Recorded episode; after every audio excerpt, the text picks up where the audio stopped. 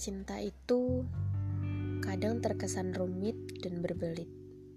Padahal yang kita butuhkan cuma jawaban. Suka ya bilang suka, kalau enggak ya bisa coba lagi. Mengejar cinta itu menyenangkan, meski kadang harus patah dulu baru ditolong. Tapi jangan juga sengaja mematahkan agar dapat ditolong. Gak baik. Sesimpelnya gula yang akan larut dalam suhu yang panas, kadang kita juga harus menunggu agar gula itu benar-benar cair.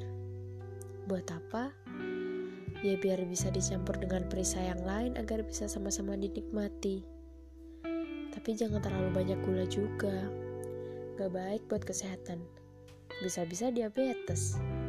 Secukupnya saja. Karena semua hal yang berlebihan itu salah. Tapi kalau ngobrol soal rasa, memang tergantung pada penikmatnya pula. Ada yang suka boba manis, ada juga yang suka americano dingin. Ada yang suka tidak mau berbelit-belit, ada juga yang suka menikmati pahit patah hati. Rumus kuncinya cuma satu, harus percaya pada pilihan sendiri.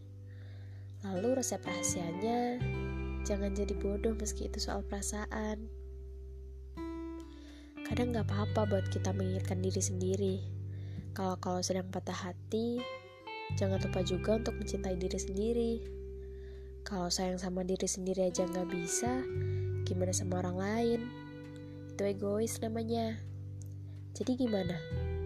Kamu sudah jatuh cinta atau cuma jatuh saja?